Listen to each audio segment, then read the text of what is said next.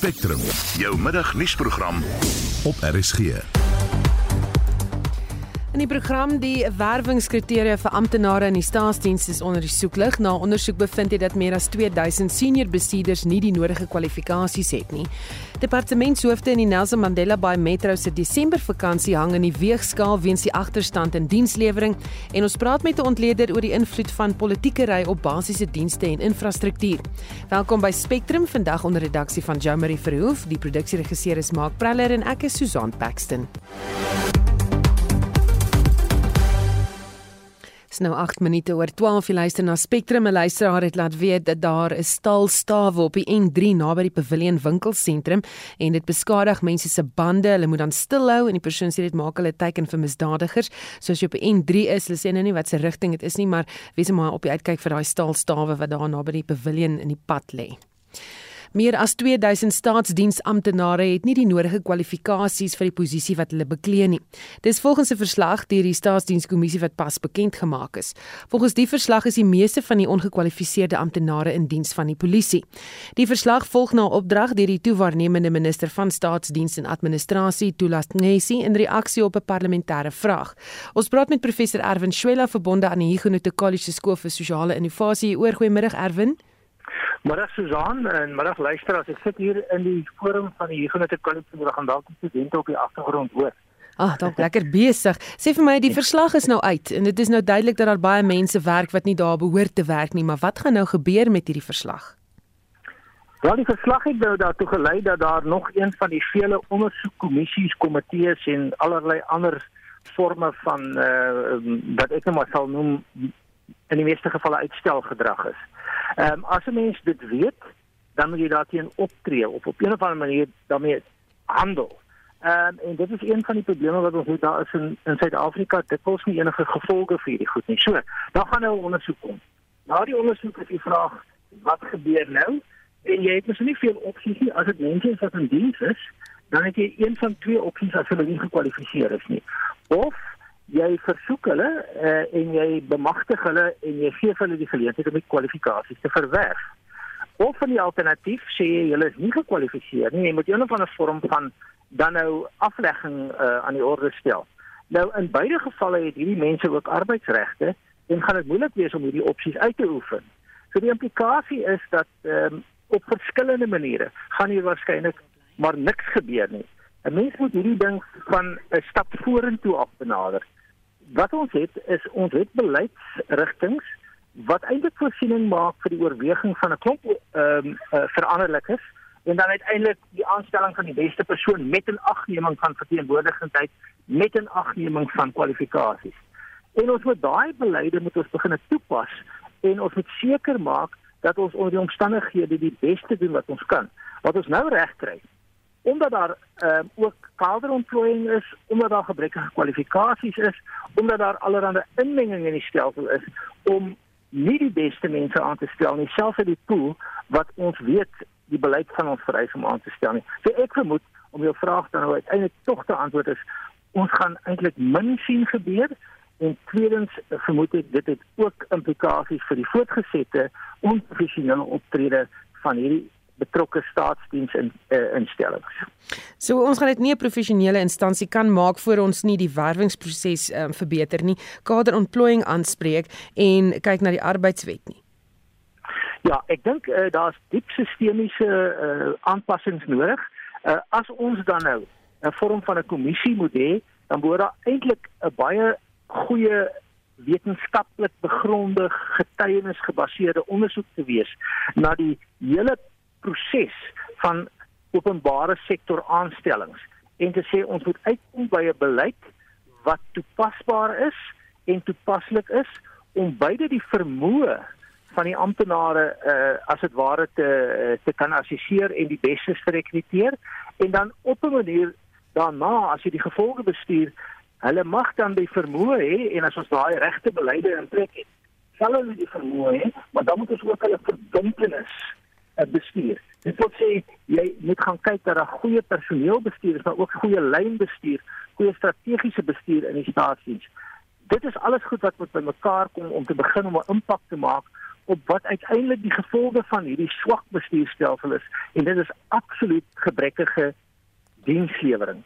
Hm. Dienslewering wat ons wat ons wat ons landsburgers faal, absoluut faal. Was hierdie verslag 'n mors van geld?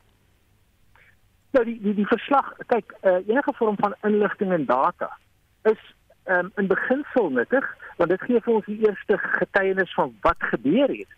Maar dan is daar eintlik ander vrae wat jy moet vra. As jy nou weet wat hier gebeur, moet jy vra hoekom?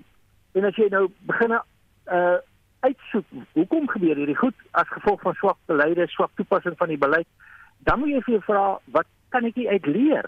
Kan ek hier op 'n of ander manier 'n stel lesse kry en uiteindelik daai leerproses inbou in die vierde vraag, hoe bou ek dit terug in die stelsel? Met ander woorde, hoe verander ek die stelsel sodat die stelsel be beter begine funksioneer en die regte impak lewer? Jy kan nie net 'n verslag hê nie. Die verslag is 'n nodige maar nie 'n voldoende voorwaarde vir die verbetering van die situasie. Baie dankie. Dit was professor Erv of professor Erwin Schuela verbonde aan Huguenot College skool vir sosiale innovasie. Die nuwe burgemeester van Johannesburg, Dada Morero van die ANC, was skaars burgemeester toe die waterkwessie in Gauteng 'n krisispunt bereik het. Die voormalige DA burgemeester, Mpho Palatsi, is tydens 'n mosie van wantroue uit die kussings gelig. Dit volg kort nadat Cape se Colleen Makobele as spreker aangewys is nadat die DA se Vasco da Gama ook uit die kussings gelig is. Ons praat nou met professor Pieter Dievenage, die dekaan van Geesteswetenskappe by Akademia oor die invloed van 'n politieke ry op basiese dienste en infrastruktuur en dis nou in aggenome met die water korte tans. Goeiemôre Pieter. Goeiemôre Susan. Met al die emosies van wantroue en gevegte om posisies, blyk dit asof die kiesers se toegang tot basiese dienste totaal agterweë gebly het. Ja, dit dit bly agterweë, maar dis 'n ou probleem natuurlik. Ek sou sê dis die resultaat van die ANC se sistematiese swak bestuur oor 20 jaar.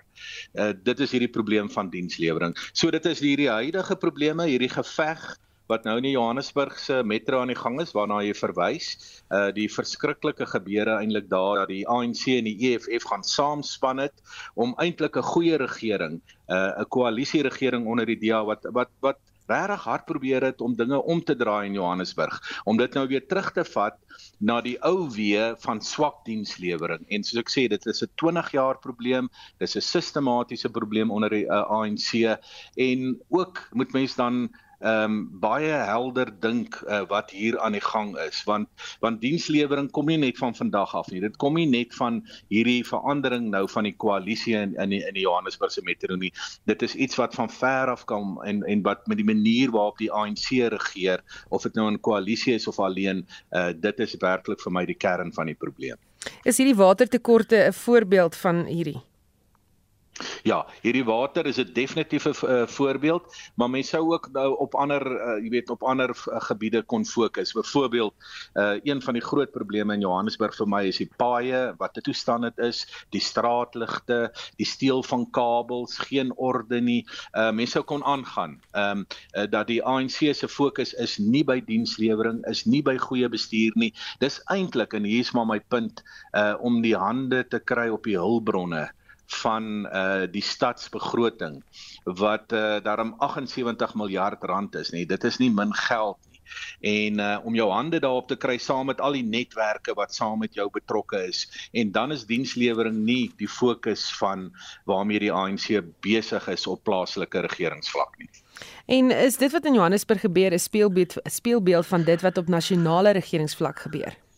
Dis 'n absolute speelbeeld en ek is so bly ons het daai insetsel gehad nou net voor ons praat met Irwin Swela want vir my is die kern van die probleem nie net dat dienslewering nie gedoen word nie ons kan daaroor praat maar die kern is daar's gewoon nie kundigheid nie op al die vlakke van die regering in Suid-Afrika. Nou die ANC is die regerende party op al drie vlakke. Nou ek praat in die meeste van ge, uh, gevalle. Nou praat ek van nasionaal, provinsiaal en ehm um, plaaslik en in op al drie vlakke is daar gewoon nie kundigheid nie. Daar's nie kundigheid in die kabinet nie, daar's nie kundigheid in die staatsdiens ook op al drie vlakke. En ek dink dit is waaroor die vorige gesprekke gaan het. Maar dan dink ek Susan is daar 'n tweede baie belangrike ding. En dis hoe die ANC sigself verstaan as 'n bevrydingsbeweging op al hierdie regeringsvlakke. En die groot punt is net Die ANC verstaan sigself as 'n bevrydingsbeweging wat volle reg het om te maak soos hulle wil, ehm um, as tipe sekulêre messiasse en om nie vir die mense te bestuur nie, maar om na goeddinke eenvoudig te maak soos hulle wil sonder kundigheid en die hulpbronne dan te verdeel onder hulle self dis die mense binne die ANC en dan al die netwerke om die ANC of die syndikaate buite om die ANC. Nou ek sien dat die uh, voormalige DA burgemeester in Popalatsi se saak um, wat sy in die hof nou aanhangig gemaak het, is tans in die hof en dis nou oor haar hmm. verwydering. Sy sê dit was uh, ongeldig geweest, maar verloor politici fokus wanneer dit dan nou kom by die stryd om mag. Beslis. Nou goed, ons moet onthou, mag is altyd deel van die politiek, maar dan moet mag goed bestuur word. In die geval van die ANC as regerende mag is daar 'n geweldige stryd om mag binne die party en buite die party. En wie mag besit binne die ANC het dan die voordeel dat dit die sogenaamde netwerke buite die party aan die gang kan hou, maar ook groot voordele vir die wat die mag het binne die ANC. En dit is 'n tipe opvatting van mag uh wat eintlik die hele fokus weghaal van goeie bestuur, van goeie dienslewering, van uh die goeie bestuur van 'n land of 'n provinsie of 'n stad en so verloor die politici geweldig fokus wanneer dit by so 'n stryd om mag gaan of so 'n opvatting van mag. Baie dankie. Dit was eh, professor Pieter Dievenage, dekaan Geesteswetenskappe by Akademia. Soos jy reeds vroeër gehoor het, het die Reserwebank gistermiddag beslag gelê op bates van die voormalige uitvoerende hoof van Steinhoff, Marcus Jooste. Ons praat nou met Ryk van Niekerk van Moneyweb oor wat verder gebeur. Goeiemiddag Ryk. Goeiemôre. So beslag is nou gelees op sy bates deur die Reserwebank. Wat gebeur nou? Wel die Reservebank het hierdie bates nou basies gevries terwyl hulle nou uh, 'n uh, ondersoek doen oor die omvang van die valutabeheerregulasies wat skynbaar oortree. So hulle wil net hierdie bates veilig hou sodat daar iets oor is as hierdie hierdie uh, ondersoek nou klaar is. En as daar bevind word dat daar oortredings was, kan hierdie bates na die staat toe gaan. En almal wonder oor hoekom dit so lank geneem het vir enigiets om te gebeur, maar in Duitsland waar die aanvanklike ondersoeke begin het, het dit net so lank geduur. Wel dit nog steeds voor daar is uh, klagte gelê teen twee individue in Duitsland maar die die hulle name is nie bekend gemaak nie maar daar's 'n aanname dat een van hulle Marcus Jooste is en hierdie aan, ondersoek gaan ook steeds voort ehm um, en dis dis onduidelik wanneer dit en of dit in die hof gaan kom. En dieselfde hier in Suid-Afrika, die valke het nog geen klagte teen Marcus Jooste of enigiemand anders wat verbonde was met die inploffing van Steinhoff gebring nie en dit is ook 5 jaar later. Dit is 'n baie ingewikkelde saak. Ehm um, maar daar is 'n uh, onafhanklike verslag uh, of ondersoek gedoen deur of 'n forensiese ondersoek deur PwC. Daai daai verslag is nog uh vertroulik, maar dit is baie duidelik dat daar nog dinge ondersoek moet word en dit vat lank. So dis hoekom hierdie ook so groot is. Dit is eintlik die eerste wesenlike op, optrede teen Marcus Jooste uh weet wat verband hou met uh, die gemors wat by staan op plaasgevind het. Baie dankie. Dit was Ryk van die kerk van Moneyweb. Die nuwe burgemeester van die Nelson Mandela Bay Metro in Kebega in die Oos-Kaap is ernstig oor dienslewering. Retief Orendal het selfs so ver gegaan as om te sê dat geen uitvoerende bestuurder van die onderskeie departemente met vakansie moet gaan alvorens die agterstand met dienslewering nie ingehaal is nie. En ons praat nou met Retief self daaroor. Goeiemiddag Retief. Goeiemiddag. Lekker om by julle te kuier. Sê vir my gaan die departementshoofde regtig nie met vakansie gaan as die agterstand nie uitgewis is nie? Nee, absoluut. Um, ons het hierdie besluit geneem want daar was 'n reuse agterstand in dienslewering in Nelson Mandela Bay. Ehm um, daar duisende slaggate, daar duisende straatligte wat wat uit is, daar duisende rioolblokkades. Ehm um, en ek dink die mense van Nelson Mandela Bay het nou lank genoeg gewag vir dienslewering. So ehm um, as ons ouens hulle hulle deel gaan bydra, dan kan hulle op vakansie gaan, maar uh, hulle moet eers hulle werk doen. En het jy enige reaksie oor hierdie aankondiging gehad? Ehm um, wel daar was 'n bietjie van 'n gebrommery uh en 'n baie ongemaklike uh 'n glimlagte van 'n paar van my kollegas, maar ek dink hulle weet dat die metro was so gebroken oor die afgelope paar maande dat ons het nou geen keuse maar om maar as om vingers te trek en te begin om dienste te lewer vir ons gemeenskappe nie. Hierdie is nie dalk 'n stok waarmee jy later geslaan kan word en skielik uit die kussings gelig kan word nie.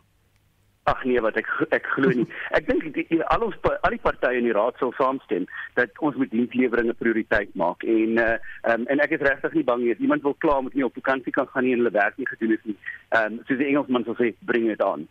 Ons sê hoeveel slaggate was daar of slaggate was daar in die metro en hoeveel is daar tans? Daar was so net so oor die 20000 uh, slaggate. Ehm um, ons het oor die afgelope 3 weke meer as 8000 reeds uitgewis. So daar's nou so 12000 nog oor. Ehm um, en ons hoop dat ons so teen die einde van November ehm um, met daai agterstand ehm um, sal klaar wees. Ons sê iemand in daardie afdeling wat met vakansie gaan gaan klink dit vir my. Wat is die stand van straatligte? Straatligte was al meer as 10000 wat wat agter uh, stalle gewees wat foutief was. Ehm um, ons is besig om te herstel teen ongeveer so 150 per dag. Uh so ons het reeds meer as 3000 al uh, reggemaak. So daar's nog 7000 ehm um, agterstallig. So dis regtig ehm um, vir my Rimon in die hart om te sê dat die departemente is besig om te woel en uh, en ons hou natuurlik baie uh, noukeurig ehm um, dop wat hulle doen. 'n Gebrek aan water word nou 'n landwyse kwessie nadat hulle die eerste keer deur watertekorte getref is. Hoe lyk die watersituasie daar by julle tans? Ehm um, dit lyk ek moet nou my woorde mooi kies want ek wil hê al ons gaatgangers moet nog op vakansie hou hier die pragtige baai. Ehm uh, ons ons water situasie is maar nog steeds kritiek, uh, maar ons ons is nie bekommerd dat ons uit water uit gaan hardloop nie. Ons inwoners is besig om regtig hulle deel te doen om water te bespaar en ons is besig om om ons infrastruktuur eksponensieel op te knap en genoeg geld in te druk in in onderhoudswerk. In die verlede ongelukkig is daar nie genoeg werk, uh, werk gemaak van onderhoudswerk nie en ons probeer dit prioritiseer. Het die metro enige planne vir sy inwoners met die dreigende nasionale kragkrisis? Ja, kyk ons ons monitor dit baie baie noukeurig. Ons probeer ehm um, uh, ons probeer 'n uh, projek in plek sit waar ons uh, krag sal kan koop van van onafhanklike kragproduseerders. Ons is een van die een uh, van die van die min metros wat wat so 'n uh, 'n projek van stapel gestuur het eintlik al reeds 'n hele paar jaar terug. Ehm um, maar dit het nooit ehm um, geïmplementeer nie. So ons hoop dat oor die volgende uh, definitief oor 12 maande sal ons groot vordering kan maak deur ehm um, krag aan te koop van ehm um, onafhanklike produseerders. Baie dankie en dit was die burgemeester van die Nelson Mandela Bay Metro Retief Odendal wat die sweep klap daar. Ons gaan daardie storie volg en kyk of hulle dan nou uiteindelik by daai doelwit en teikens kan uitkom. Die tweede jaarlikse geslagsgeweld skuilings in Daba word tans in Johannesburg gehou. Die uitvoerende hoof van die nasionale skuilingsbeweging sê skuilings dien ook as 'n ingrypingsmeganisme om geslagsgeweld op te slaan. Marlie Skeepers het met Rose Bailey, die Noord-Kaapse verteenwoordiger van die nasionale skuilingsbeweging gepraat. Wat is die grootste uitdagings vir die nasionale skuilingsbeweging? Ons noem dit 'n kroniese gebrek aan fondse. Ons tweede een wat ons het is 'n algemene gebrek aan ondersteuning, especially van government en die private sector. En dan is daar ook 'n gebrek aan koördinasie en coordination van uh, tussen government departments en die shelter mense wat sheltering voorsien aan ons gemeenskap daar buite. So daar's 'n algemene uh, befondsingsplan wat die regering het om fondse aan shelters in die, in die hele land te versprei nie. Is daar genoeg skuilings in die land? Op die oomblik het ons vir hierdie groot land van ons het sit ons met ongeveer 100 skuilings. So in die Noord-Kaap alleen en ek weet almal in Suid-Afrika weet hoe vaas is die of hoe groot is die Noord-Kaap. Daar sit ons byvoorbeeld met 4 skuilings. Dit is absoluut absoluut te min. En elke keer kan ons dit terugverwys na 'n uh, na vrouens byvoorbeeld in ver afgeleë gebiede wat nooit akses sal het tot 'n shelter tensy ons nie drasties na hierdie probleem kyk nie. Wat is die doel van hierdie Indaba? Om ons verhouding met die regering verder te bou en hulle regtig bewus te maak van wat is die challenges waarmee die waarmee shelters oor die algemeen beskik. En dan is dit ook om om almal wat te doen het met hierdie veld van gender based violence in een spasie te kry en dat ons openlik gesels oor die probleme wat bestaan en dat ons regtig kyk wat is die way forward? Wat kan ons doen onmiddellik en nie weer net alles op papier sit en hoop iemand gaan befondsing beskikbaar stel om hierdie probleme wat ons het aan te spreek. Dit is die tweede keer wat die Indaba gehou word. Watse aanbevelings of oplossings is verlede jaar gevind? Dit was 'n baie goeie begin want by daai Indaba het ons 'n verhouding met DSD gebou in die sin dat DSD nou met ons gepartner het om die tweede Indaba te hou. So dit sê vir ons dat hulle regtig ernstig is om gender-based violence aan te spreek. Dit was Rose Bailey, die Noord-Kaapse verteenwoordiger van die nasionale skuilingsbeweging en ek is Marlie Skeepers. Sy bykans 12:37 geluister na Spectrum. Die Springbokke finaliseer hulle voorbereidings vir 'n uitgebreide jaareindtoer wat 4 toetswedstryde en 2 middelweekwedstryde sal insluit.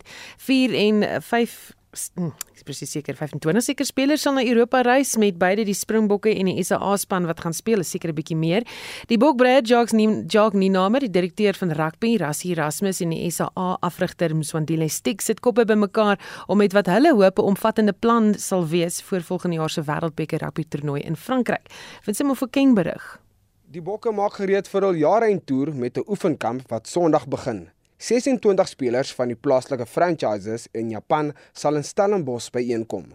Dit is 'n ambisieuse toer wat ontwerp is om soveel as moontlik te vermag voor die Wêreldbeker toernooi. Altesaam 54 spelers sal op die vliegtyg na die noordelike halfrond wees, aangesien sowel die Springbokke as die SAA spanne speeltyd gaan kry. Een van die dringendste kwessies om aan te spreek sal die van die loskakel wees. Nie die beseerde Andre Pollard en Elton Jantjies wat die afgelope tyd geen rugby gespeel het nie, sal nie op die toer wees nie. Die bokafrigter, Jacques Ninaber, kyk nou na spelers soos Damian Willemse, Johan Gosen en Frans Steyn om die gaping te vul. Not having Andre, not having Elton there, we comfortable with Damian and he's proven himself in the last couple of test matches and then it would be nice to have uh, Johan there, you know, and to to see how he falls into our program and and and how he delivers and then there will be some of the younger guys pushing hard for spots. Die Bokke speel in November teen Ierland Frankryk, Italië en Engeland met die laaste toets wat buite die toetsvenster val. Intussen speel die SA span teen Munster en die Bristol Bears in middelweekwedstryde. Die bokspan gebruik die SAA wedstryde om die gaping tussen die Verenigde Rugby Kampioenskap en internasionale rugby te oorbrug. If you look at the URC and you look at the SAA game and then you look at the Springboks, I think uh, uh, the SAA game is almost like a small little stepping stone for a guy from the URC having a little bit of a, can I say, a more challenging environment with the SAA side and then a, a nice step up into the Springbok side. Die bokhulp afrigter, Mzwandi Lestiek, sal oor die SAA span beheer neem en glo die teenstanders wat hulle gekies het, Munster en Bristol, bied verskillende uitdagings wat nuttig sal wees vir die Wêreldbeker toernooi. You look at those two teams, two different style of game, how they play the game, but once again, I think it's what we need going towards the World Cup. Rassie Erasmus is intussen terug van 'n lang wêreldrugby verbod en gereed om by te staan vir die Bokke as direkteur van rugby oor die onderwerp van die Stormers agterspeler Sacha Mkomezulu wat deur Eddie Jones in Engeland raak gesien word, was Erasmus duidelik van wie hy oor die kwessie wil hoor. We will never try and convince somebody who wants to play for another country to play for us. It must be his own decision. He must want to play and he must be so, so proud to play for the Springboks and he must be willing to fight his way up into the top and make it uh, at this stage, you know, when he gets his opportunity, he takes it really well. If he qualifies for both and, and he'll rather represent England, uh, I'll be surprised first of all. And second of all, you know, uh, then it's tough to change the guy's mind. Die Bokke sal dalk al Franse en Engelse spelers vir die kragmeting teen Engeland moet afstaan want die toetsvenster eindig na die Italië wedstryd. Die verslag is saamgestel deur Simon Burke van ons sportredaksie. Ek is Vincent Mufokeng vir SAI Garnis. Nou, as jy gehoor het 54 spelers wat gaan toer na Europa. Dit wil voorkom of daar binnekort 'n herstrukturering van die Noordwes wetgewer gaan plaasvind en daar word ook bespiegel dat die premier Boesie Mape se dae getel is. Ons praat nou met professor Theo Venter, dosent in praktyk by die College vir Besigheid en Ekonomie aan die Universiteit van Johannesburg. Goeiemôre Theo. Goeiemôre. Gaan daar groot skuwe kom aan die wetgewer? Wel, ek wil net eers verskoning maak vir die agtergrond lawaai. Ek is hier in Rustenburg by uh, uh, uitvoerende exco of 'n legotla van die Noordwes regering waar hulle nou juist kyk na wat ehm um, was die prestasie van die regering die afgelope jaar. Ehm um, premier Bushimapa is die voorsitter van die vergadering, maar onderliggend ehm um, met meeste dink ek van die verteenwoordigers al die dokument gesien wat die ANC gepubliseer het oor op vyf moontlike kandidate vir 'n nuwe premierskap. So alhoewel ons nou hier in 'n vergadering is, weet meeste mense dit is waarskynlik een van sy laaste vergaderings. So ek wou nou vir jou vra gaan die premier dan sy pos verloor?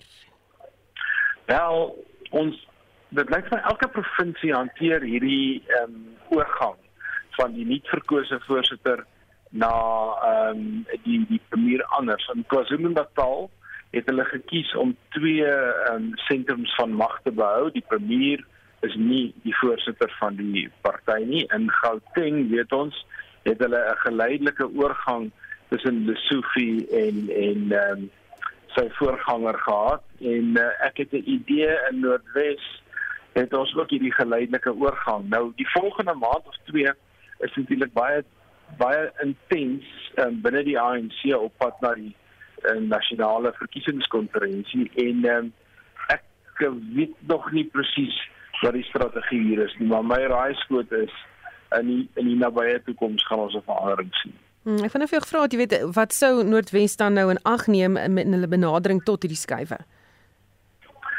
Wel, dit is duidelik dat die nuwe premier of dan die voorsitter van die van die van die party in Noordwes, uh, Nana Maloyi, het 2024 op sy agenda. Net soos uh, Lesofie, as jy na Lesofie se toespraak geluister het 'n week of twee terug, het dit geklink soos 'n nuwe politieke party wat 'n verkiesing gewen het en nou eintlik beplan vir die volgende 2 jaar terwyl hy eintlik maar deel was van die Gautengse kabinet met al die issues wat daar was.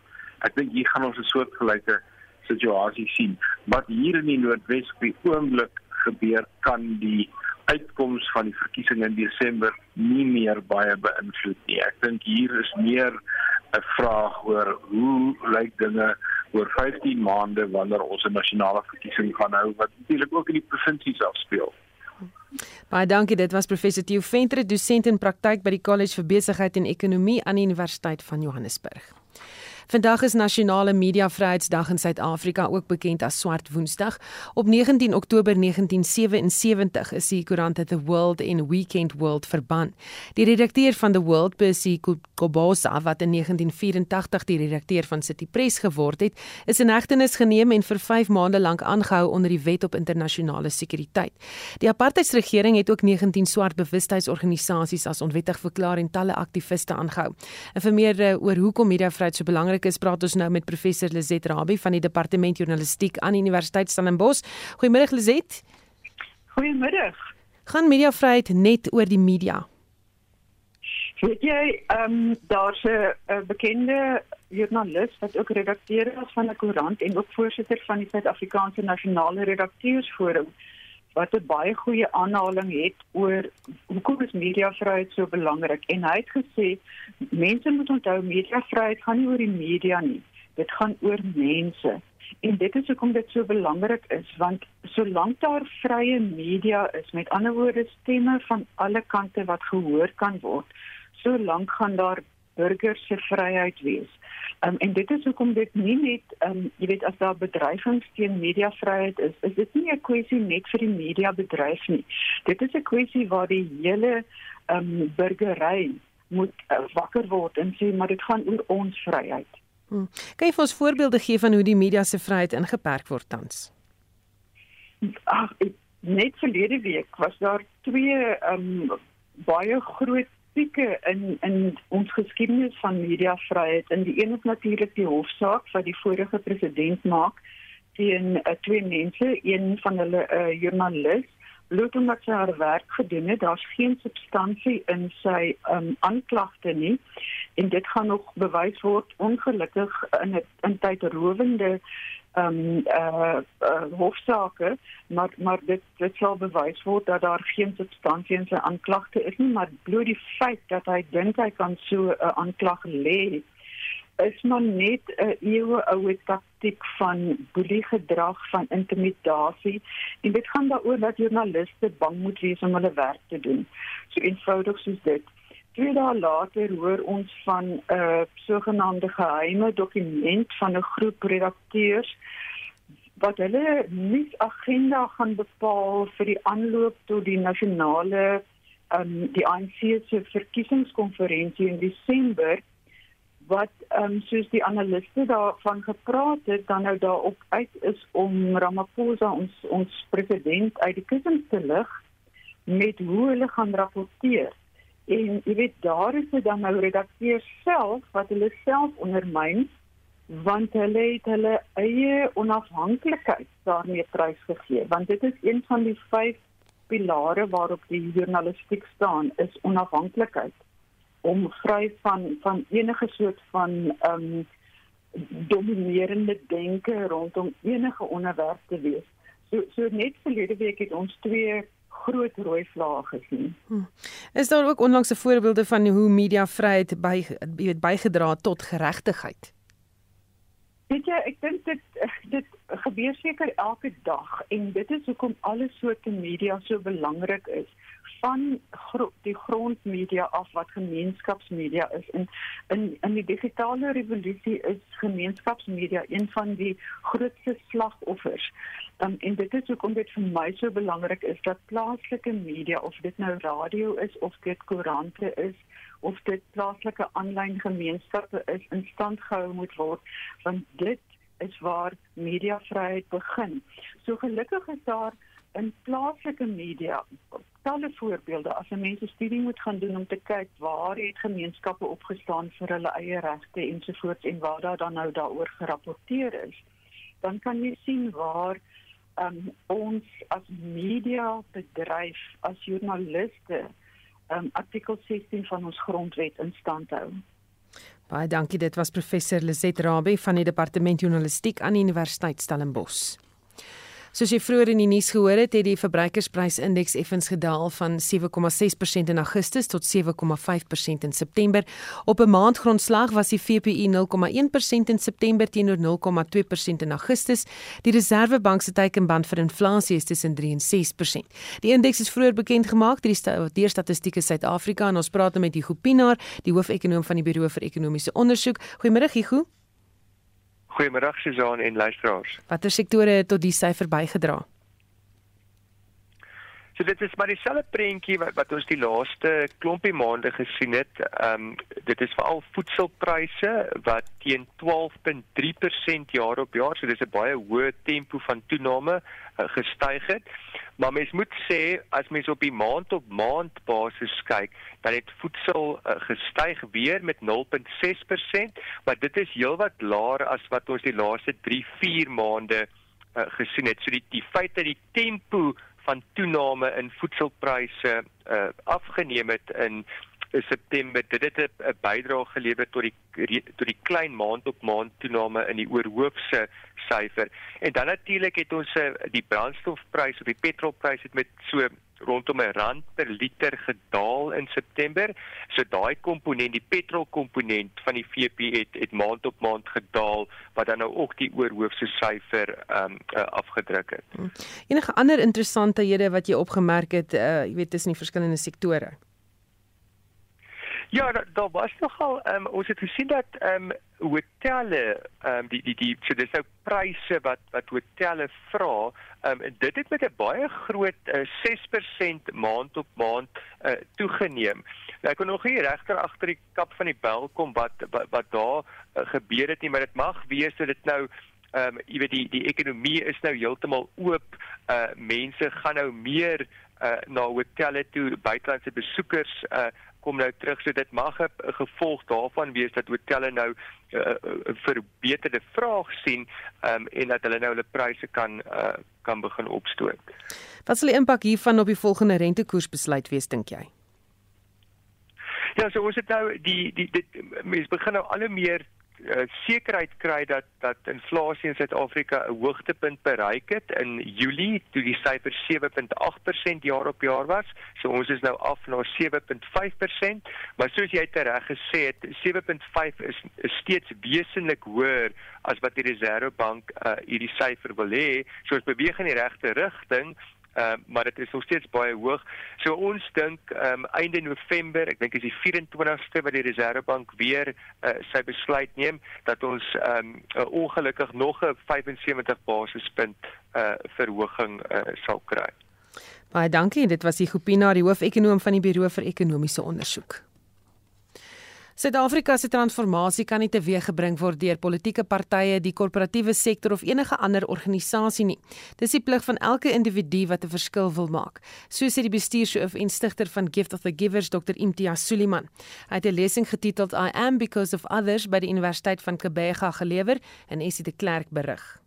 Gift of the Givers is in 1992 deur Dr. Suliman gestig en die organisasie werk in 41 lande reg oor die wêreld. Suliman sê hoewel Suid-Afrika deur talle probleme getuister word, is hongersnood een van die grootstes. Hy sê veral die COVID-19 pandemie het bygedra daartoe dat armes nog armer word en talle mense hulle werk verloor het. We are at that stage already where people don't have food. It's not something new. It's been growing for several years. Lockdown exacerbated that, where jobs were lost, unemployment, less taxes, you know, and people just lost jobs in, in numbers. And besides losing jobs, the income decreased. A lot of people had to take cut in salaries. And then, of course, people lost their jobs, and so many people look after so many different families. So all that additional support for families got washed away. Die huidige ekonomiese klimaat dwing miljoene mense om onder die broodlyn te leef. Suliman sê armoede kom nou ook voor onder middelklas Suid-Afrikaners, maar hulle wil dit nie altyd erken nie. We've been noticing that it's not and when we say hunger, people think it's only among the poor. There's a large number of middle class people who also just for the sake of dignity don't speak out. But we know from homes that people are very hungry. And when you get inside information, realize that for days they've been sitting quietly being hungry. So yes, it's a growing problem. Right now in Transkei, in Butterworth Hospital, in other areas of Transkei, there's children dying of starvation every day. Malnutrition has hit us in a big time. Hy sê samewerking tussen belanghebbendes kan 'n sleutelrol speel om die ekonomiese krisis te bowe te kom. Hy sê dit is ongehoord dat mediese personeel soms weier om na pasiënte om te sien. We want to change the system. We got to change ourselves. The altruism, the commitment has to come from us. We are the people that corrupt the system. We are the people that steal. We are the people that could be greedy. So there's four cardinal principles that all of us should imbibe. Spirituality, morality, values and ethics. If you fix that in every individual in South Africa, everybody will have a commitment. I mean, civil servants. You can't have a situation where nurses are stopping patients from being seen by the doctor. That's totally against human code, against medical code, and the norms of living. Gift of the Giver speel 'n kardinale rol om droogtegetuisterde gebiede in die Oos-Kaap van water te voorsien. Die organisasie voorsien ook water in Johannesburg waar groot watertekorte op die oomblik voorkom. Die verslag is saamgestel deur Andan Kronji in Kabega. Ek is Estie de Klerk vir SAK nuus. En Estie het vir ons die nuus en ontwikkelende stories dopgehou. Ons praat nou met haar Estie. Ja, Susan, die spesiale ondersoekeenheid sê hy het nie die voormalige minister van gesondheid, Willem Kize, kwyt geskeld van die Digital Vibes skandaal nie. Die SOE het 'n verklaring uitgereik nadat die publikasie IOL berig het en Kize is deur die SOE kwyt geskeld. Hier is die kommunikasiehoof van die SOE, Kaiser Ganjagu. As the publication has the potential to mislead the public, the SIU is enjoined to set the record straight. SIU has not cleared anyone in the digital vibes matter. The matter is currently pending in the High Court. Due to this matter being in the High Court, the SIU will respect the court processes and not comment further. Die DA kokesleier in Johannesburg, Mpopalatsi het vandag haar verwydering as burgemeester van die metro in die Hooggeregshof in Johannesburg beveg. Minderheidsopposisiepartye het verlede maand 'n mosie van wantroue teen haar en die DA koalisieregering ingestel en Dada Moreru van die ANC is toe tot burgemeester verkies. Die DA voer in die hof aan dat 'n raadsvergadering wat op 29 September gehou is onwettig was en dat die ANC fondse gebruik het van die Johannesburgse eiendomsmaatskappy maatskappy om raadslede om te koop. Die DA het klagte van korrupsie en bedrog teen die Johannesburgse eiendomsmaatskappy ingedien, maar die ANC ontken die bewering. Dan volgens 'n verslag van die staatsdienskommissie in opdrag van die regering het meer as 2000 staatsdiensamptenare nie die nodige kwalifikasies vir die posisies wat hulle beklee nie. Volgens die verslag is die meeste van die ongekwalifiseerde amptenare in diens van die polisie. Hier is professor Erwin Schwella verbonde aan die Genote College. Ons kan nie die staatsdiens professionaliseer as ons nie hoogs gekwalifiseerde amptenare aangestel het nie. En as ons nou 'n ondersoek het, is die vraag wat uiteindelik daaruit sal voortspruit en ek vermoed maar nie veel nie, want die mense het arbeidsregte en hulle moet uit die aard van die saak beskerm word. Terselfdertyd is dikwels kaders ontplooi wat lojaliteit het teenoor die party en daar is nie 'n politieke wil om hulle te ontslaan of hulle te dwing om die kwalifikasies te verwerf nie. Daar is nie beleidskoherensie tussen die ANC as die regerende party, die regering, die bestaande beleide nie. En dan die korrupsieverhoor van oud-president Jacob Zuma en die Franse wapenvervaardiger Thales is tot 30 Januarie volgende jaar uitgestel. En in Brandpunt om kwart voor 6 berig die span oor die naderdraai van die brande in die Noord-Kaap. En dit was Estie met 'n opsomming van die nuus en uh, ander ontwikkelende stories. Die vorige uitsendings van al ons nuusaktualiteitsprogramme is op uh, eh, rsg.co.za beskikbaar. Jy kan daar weer gaan luister. Ons groet namens soos uitvoerende regisseur Nicoline de Wee, die redakteur Jomari Verhoef en produksieregisseur Mark Preller. My naam is Susan Paxton. Bly ingeskakel vir 360.